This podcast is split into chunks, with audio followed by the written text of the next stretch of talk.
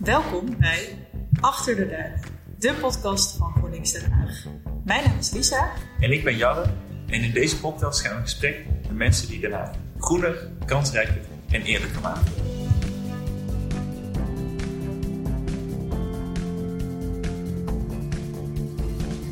Dus uh, we moeten wat breder gaan nadenken, wat geopolitieker gaan nadenken, wat minder naïef gaan nadenken en onze idealen daadwerkelijk waarmaken.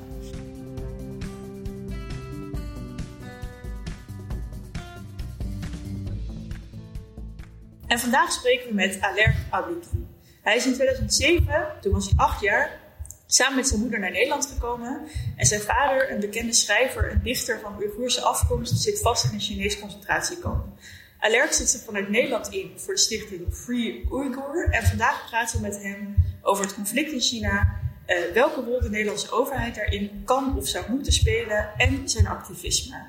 Welkom Alert. Welkom. Fijn om erbij te zijn. Goedenavond. Goedenavond.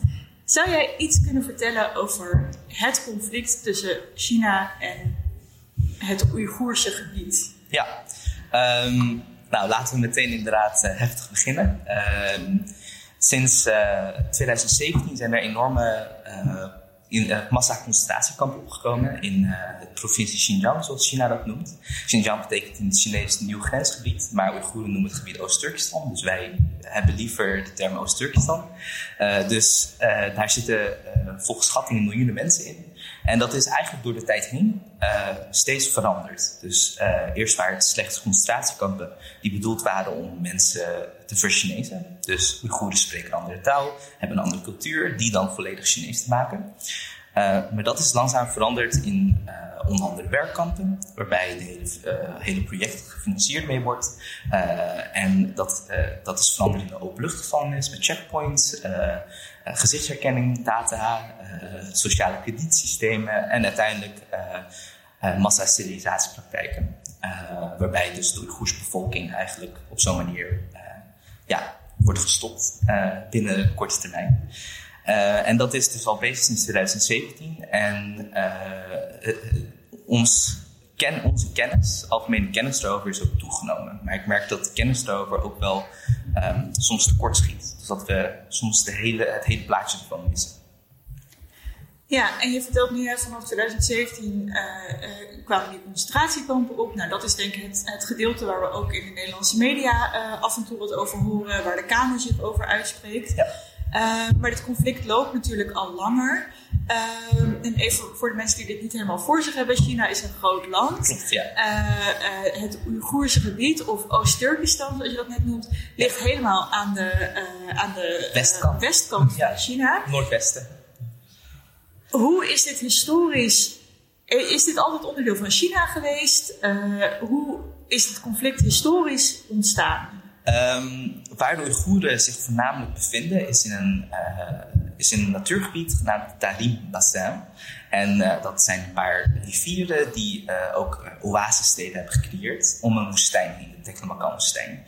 Um, de Oeigoeren zijn eigenlijk echt deel geworden van wat wij China zouden kunnen noemen in de Manchu-tijdperk in de 17e eeuw. Toen uh, de Mongols-Turks-achtige Rijk van de Oeigoeren, uh, de Chagatai-rijk, werd overgenomen. Uh, maar in die tijd was het zo dat um, dat er veel meer flu fluides, veel, ja, uh, veel fluider was uh, als het gaat om identiteit en als het gaat om staatsinrichting. En veel minder gebaseerd op etniciteit. Um, uiteindelijk werd dat wel, uh, was dat wel het geval. En in 1933 was er een eerste Oost-Turkestaanse republiek uitgeroepen. Die heeft het overleefd tot 1939. En hetzelfde gebeurde in 1944 met 1949. En dat is de tweede Oost-Turkestaanse republiek. Um, in die tijd was China een eigen burgeroorlog. Uh, en die hebben de communisten uiteindelijk in 1949 gewonnen. En een van de eerste dingen wat ze hebben gedaan is uh, ons gebied annexeren. Dus de onafhankelijke republiek werd geannexeerd. Uh, net als Tibet, een jaar later. en zo werd het communistische China daar neergezet.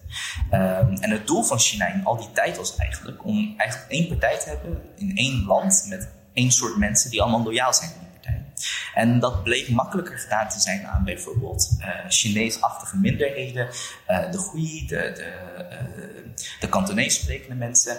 En veel minder succesvol bij echt verschillende culturen, zoals de Oeigoeren en de Tibetanen. En daarom zie je eigenlijk ook dat echt repressieve opkomen nu na 70 jaar in die gebieden. En jij bent op je achtste naar Nederland gekomen. Ja. Um, heb je dat toen, dat was een heel klein kind, heb je toen meegemaakt waarom je eigenlijk uh, uh, naar Nederland bent gekomen? Of wanneer is het voor het eerst, ben je daarna pas gaan realiseren waarom eigenlijk wat er aan de gaande was? Of had je dat al heel vroeg door? Um, nou, als kind uh, maak je de wereld mee. En zeker als achtjarig kind herinner je je nog best veel. Maar um, je, je, herinneringen zijn getint, uh, zijn verkleurd door een soort jeugdelijke naïviteit. En dat is maar goed ook, denk ik. Uh, ja. Kinderen horen dat ook niet allemaal mee te moeten maken. Um, in mijn tijd uh, was het ook anders. Dus voor 2007 was de situatie van de Oeigoeren ook anders. Het was wel heftig in de zin van discriminatie. Discriminatie op de de arbeidersmarkt, uh, discriminatie als het gaat om uh, bureaucratische systemen. Maar uh, verder dan dat ging het eigenlijk niet ja. heel vaak. Um, dat is veranderd door de tijd heen. In 2009 waren er grote demonstraties in Urumqi, dat ik dus gelukkig heb kunnen vermijden. Daarna is het eigenlijk veel harder geworden. ik als kind heb eigenlijk best wel veel meegemaakt van de discriminatorische elementen van de samenleving. Ja. Maar dat was meer reflectief. Dus meer ja. terugdenken van oh, wat zijn mijn ervaringen. En dan kan je eigenlijk heel duidelijk stellen, dit was best wel oneerlijk. Uh, maar als kind heb je dat veel minder door. Misschien juist directer door, maar dat accepteer je dan eenmaal. Want dat is de, de wereld dat je gewend bent. Ja. ja. En toen kwam je eenmaal uh, in Nederland, je bent je al best wel op een jonge leeftijd gaan inzetten voor de uh, Oeigoerse bevolking. Ja. Voor een Oost-Turkistan. Ja. Um, hoe ben je, hoe, uh, wat was de reden of het punt dat je dacht, en nu wil ik activistisch worden en mijn, uh, mijn volk of mijn uh, helpen vanuit ja. Nederland? Nou, er zijn eigenlijk twee momenten geweest. In 2009 vertelde ik dus over de demonstratie in Urumqi. Die zijn heel hardhandig afgeslagen. En ik ben toen als tienjarig kind, dat anderhalf jaar in Nederland woonde, op het jeugdjournaal geweest. Mm -hmm. en toen heb ik daarover mogen vertellen. maar dat was ook wel meteen een, een, een heftige ervaring. Omdat ik daarna um, werd mijn moeder uh, in haar gesprek door haar familieleden daar verteld dat dit niet moesten doen. En als je daar goed over nadenkt, het is een tienjarig kind in Nederland, klein landje, minder dan 17 miljoen mensen toen. En de Chinese staat weet dat het op het jeugdjournaal is geweest. Welke familieleden zij moeten benaderen, omdat wij dus direct contact met hen hebben. En dat zij aan ons moeten vertellen dat wij het niet moeten doen. Dus dat ja. reikt al enorm ver. Daarna heb ik het ook niet, niet meer gedaan. Um, ook gewoon uit veiligheid van mijn familie daar. In 2017 kreeg ik te horen dat mijn vader was opgepakt in een concentratiekamp samen met mijn tante. Um, dat is heel lastig te weten vaak. Uh, maar uh, omdat mijn vader een bekende persoon was, was er ook een officieel statement uh, uitgebracht. waarin werd gezegd dat hij en zijn zus, dus mijn tante, een Oeigoers meisje hebben geholpen het land uit te vluchten. En dat zou illegaal zijn.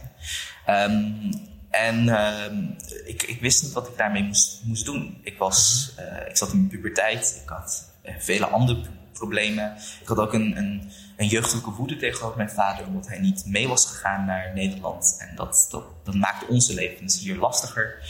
En uh, ik, ik raakte eigenlijk in depressie. -hmm. um, maar jaren later, toen ging ik studeren, en op het moment dat je gaat studeren, ga je afvragen wat ga ik doen met mijn leven. En bij mij kwam het erop neer dat ik vond dat ik me echt moest inzetten voor, uh, voor mijn familie en voor mijn mensen.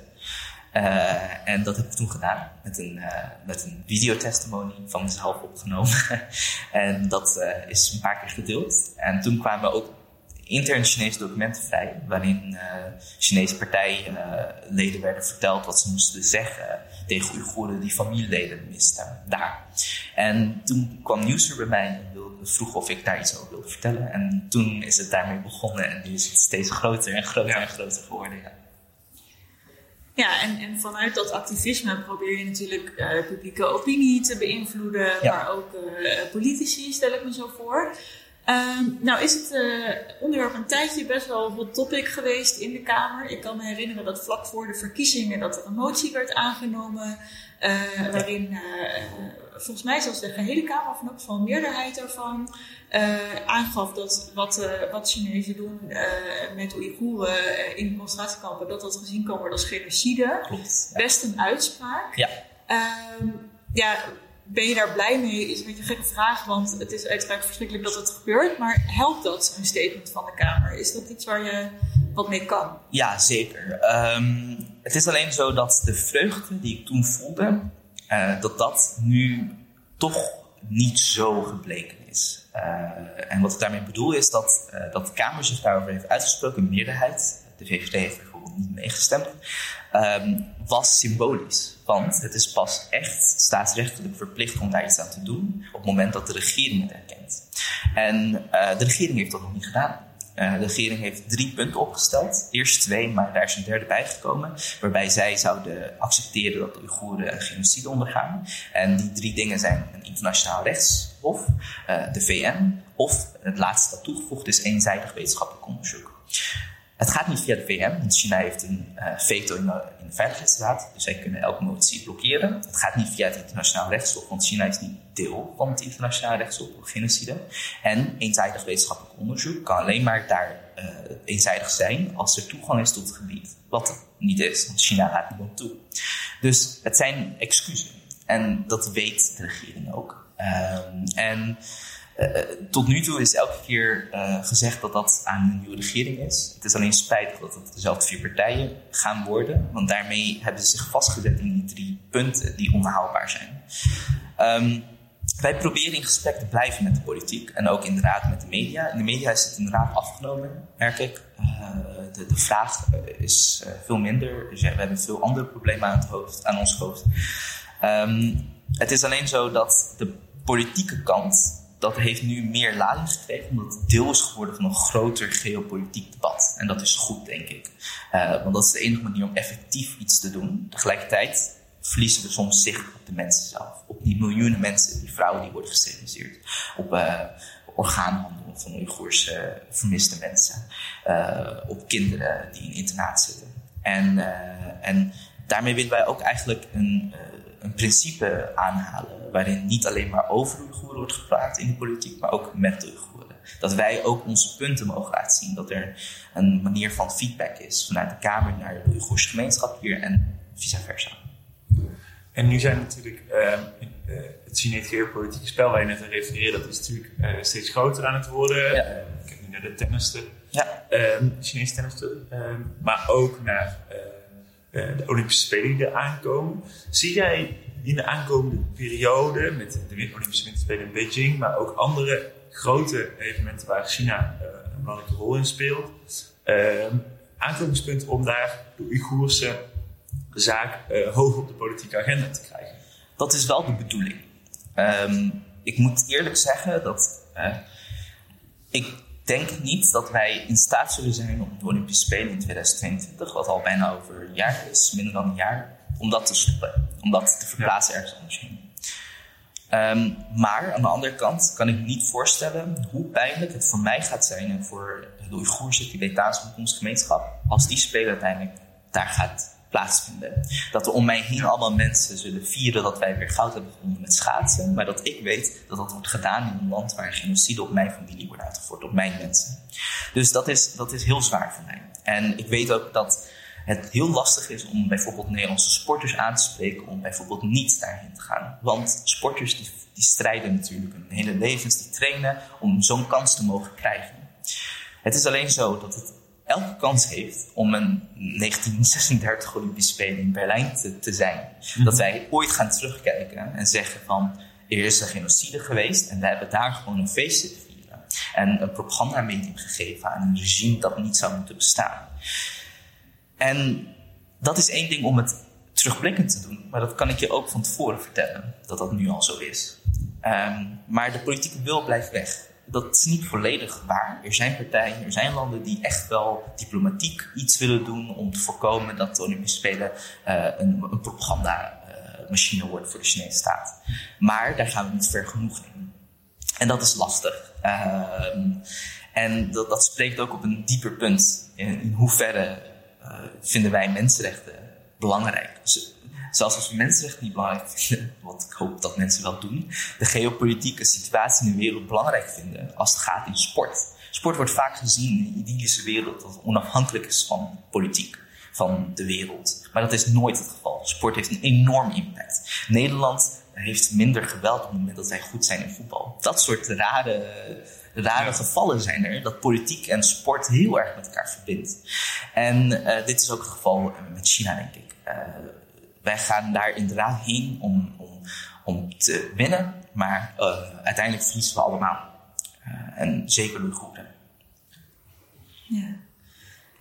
Nou is het Oeigoersgebied niet het enige gebied uh, waar een soort van uh, conflict uh, over bestaat in China. Je noemde eerder al Tibet. Ja. Zie jij nou overeenkomsten of verschillen tussen hoe ook vanuit het buitenland wordt gereageerd op die, op die conflicten? Uh, zeker. Uh, ik kan me nog een tijd herinneren dat ik allemaal uh, aan iedereen moest uitleggen een Oeigoer was. Ehm, nu verandert dat in een, in een blik van medelijden vaak, als ik vertel dat ik Oeigoer ben. maar Tibet is al heel lang bekend. door de Erika Terpstraat van de wereld. Dalai Lama is door iedereen bekend, onder iedereen bekend. Um, en de Tibetanen hebben, in, en terecht hebben zij, een fantastische reputatie in de wereld. en dat helpt ook hun zaak om te laten zien hoe verschrikkelijk het Chinese regime is en was voor überhaupt een genocide dat plaatsgevonden. Uh, ik zie enorm veel overeenkomsten, want het is hetzelfde regime dat hetzelfde doel heeft, maar met andere mensen en andere uh, middelen. Um, dus in dat opzicht is er veel solidariteit tussen onze verschillende diaspora's. Um, het is alleen zo dat de publieke opinie tegenover Tibetanen vaak veel positiever zijn hier in het Westen dan tegenover Oeigoeren. Oeigoeren zijn overwegend islamitisch. Dat, dat heeft er niet bij geholpen na, in de post-9-11 wereld. Want dan kon China zeggen, het zijn terroristen en daarom doen wij dit. En daar zijn wij als Westen niet meegegaan. Dat hebben we geaccepteerd, omdat wij hier ook een terrorisme-dreiging uh, hadden. Um, en dat is uh, lastig. Uh, ook heeft de Tibetaanse gemeenschap een duidelijke leider, die ook veel verder gaat dan alleen wat de Tibetaanse gemeenschap wil. Uh, dus ook een spirituele leider is. Dat hebben de Oeigoeren niet. Um, en uh, daardoor is de perspectief die wij dus hebben op de Oeigoeren minder positief geweest. En dat heeft ook impact gehad op bijvoorbeeld de naam waar ik het over had. Wij hebben tot tot twee weken geleden zei elke politicus in Nederland, elke regeringspartij, wie dan ook, zei Xinjiang. Terwijl Tibet altijd wordt gerefereerd als Tibet. Tibet is in China, is Xizang. Hetzelfde principe. Xinjiang, nieuw grensgebied. Oost-Turkestan is het echte naam. Tibet heet, noemen wij gewoon Tibet, ook in de politiek. Dus die ongelijkheid, die zag je best wel ver terugkomen. Um, en uh, ik zie wel heel veel um, hoop. Ik heb, uh, ik heb hele goede banden met mensen in de Tibetaanse gemeenschap, ook met de Hongkongse gemeenschap. En dat maakt mij ook blij, omdat zij hele nieuwe perspectieven hebben uh, op, op projecten uh, acties en ook op de wereld. Wat mij ook heel veel brengt. En je woont nu, je bent inwoner van Den Haag. Ja. Uh, je studeert hier. Um, wat kan de stad Den Haag voor, deze, voor jouw zaak betekenen? Wat zou, wat zou de stad ook nog meer kunnen doen? Nou, uh, Den Haag is wat unieker dan andere Nederlandse dorpen of steden. Uh, in de zin dat het best wel een Oeigoerse diaspora huisvest. En uh, dat is alleen maar mooi, ook voor mij. Er zijn uh, twee Oeigoerse restaurants hier, waar ik iedereen voor aan zou raden om een keer te proeven. Want die proeft echt uh, fantastisch eten. Dat geeft je ook een goed blik op, op de mensen, op de cultuur. We gaan dus... deze restaurants zeker even opnemen in de show notes. dus kijk hieronder voor linkjes. Ja, ze, ja. ze heten Tarim en Kaniwe. Um, verder is het ook zo dat de stad Den Haag is een enorm multiculturele stad. En uh, dat, dat is deel van de uh, identiteit van de stad waar ik erg trots op ben. Wat mij ook enorm heeft aangetrokken om hier te wonen. Uh, het is een plek waar ik me heel erg thuis voel. Eh, meer dan welke andere stad tot nog toe dan in Nederland dan ook. Um, en daar, daarmee heeft de stad Den Haag een bepaalde rol in, in, in het herbergen van de unieke culturen dat in, in de stad aanwezig is. Tegelijkertijd is de stad Den Haag natuurlijk ook de politieke en de rechterlijke hoofdstad. De stad heeft geopolitiek gezien bijvoorbeeld in de toekomst een enorm belangrijke rol. Ooit gaat er een dag zijn dat wij bepaalde Chinese mensen voor een internationaal rechtshof gaan, of hopelijk zullen slepen. En op dat moment heeft de stad een diplomatieke rol dat wij, dat wij niet mogen vergeten. Dus, uh, dus dat is belangrijk. Uh, en uh, de stad kan ook bijvoorbeeld het faciliteren bij demonstraties, uh, bij acties, bij, bij culturele evenementen. En daar, daar zou de stad Den Haag heel veel in kunnen doen. Uh, alles kan altijd beter, maar het is al heel fijn dat het zo'n verwelkomende stad is. Mooi. En dan nog GroenLinks natuurlijk. Ja. dan wat? Ja? Nou, eh, GroenLinks heeft al heel veel, eh, eh, heeft op een gegeven moment eh, zich uitgesproken in, eh, voor de Oeigoeren. We willen ook een eh, nieuw China. Een notitie eigenlijk, een, nieuw plan eh, tegenover onze relatie met, eh, met China. Dat is heel goed. Eh, ik sta daar ook volledig achter. Maar ik merk wel dat de prioriteiten bij GroenLinks natuurlijk wel ergens anders liggen. En dat, dat is logisch. Klimaat is nog steeds het grootste probleem in ons levens. Ehm, maar ehm, er zijn heel veel stappen die belangrijk zijn om de Oeigoeren te helpen. En in die stappen zijn er bepaalde keuzes nodig eh, om de wereld meer vanuit een minder naïef perspectief te bekijken. En dat mis ik wel soms bij GroenLinks, bij mijn eigen partij. En dat zijn stappen waarbij, waarmee wij denken dat als wij niks hoeven te doen aan onze staatsveiligheid, dan, dan, dan zal de rest van de wereld zich daar ook niet mee bemoeien. Maar dat is niet zo. China en Rusland zijn hier bezig met hybride oorlogvoering. En daar moeten we op een of andere manier ons wapenen. De wereld is niet meer vredig en makkelijk. En Amerika die ons altijd beschermt. Waarin wij altijd kritiek kunnen uiten op hen en op niemand anders. Dus uh, we moeten wat breder gaan nadenken. Wat geopolitieker gaan nadenken. Wat minder naïef gaan nadenken. En onze idealen daadwerkelijk waarmaken. Want een van de manieren om hybride oorlogvoering tegen te gaan is om hier alles zo sterk mogelijk op te bouwen. Als het gaat om de rechtsstaat, om, om veiligheid, onze normen en waarden. En dat, dat wij ook een rol in als GroenLinks, denk. Helder signaal. Ja, uh, ja duidelijk. Uh, ook een beetje beangstigend uh, beeld dat je schetst. Ja. om positief af te sluiten. Dit is een standaard vraag bij ons in de podcast.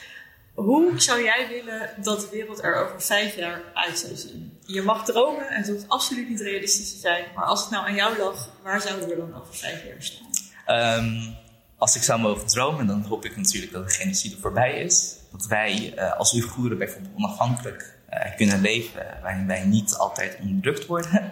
Uh, ik hoop dat wij klimaat gaan aanpakken. Ook in mijn thuisland is het enorm belangrijk, want de woestijn daar breidt steeds uit. Er is ook een watertekort daar, net als overal ter wereld. Um, en ik hoop dat, dat wij ook in Nederland uh, echt hier onze problemen gaan, gaan, gaan, gaan proberen op te lossen. We hebben in de afgelopen tien jaar ons, ons land zo laten verwaarlozen. We hebben zo geaccepteerd dat alles goed is. En uh, ik hoop dat we daar echt uh, aan gaan werken. Zoals ik zei, ons rechtsstaat gaan opbouwen. Hier um, min, uh, inclusiever gaan nadenken, breder gaan nadenken, genuanceerder gaan nadenken. Minder in kampen, minder in, in alle, alle polariserende dingen dat wij nu in ons levens terugzien.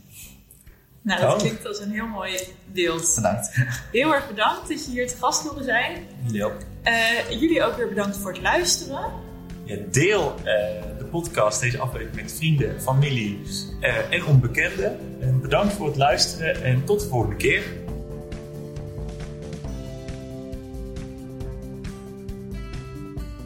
Achter de Duinen wordt geproduceerd door GroenLinks Den Haag. En de muziek van deze aflevering is van de Blue Dot Sessions.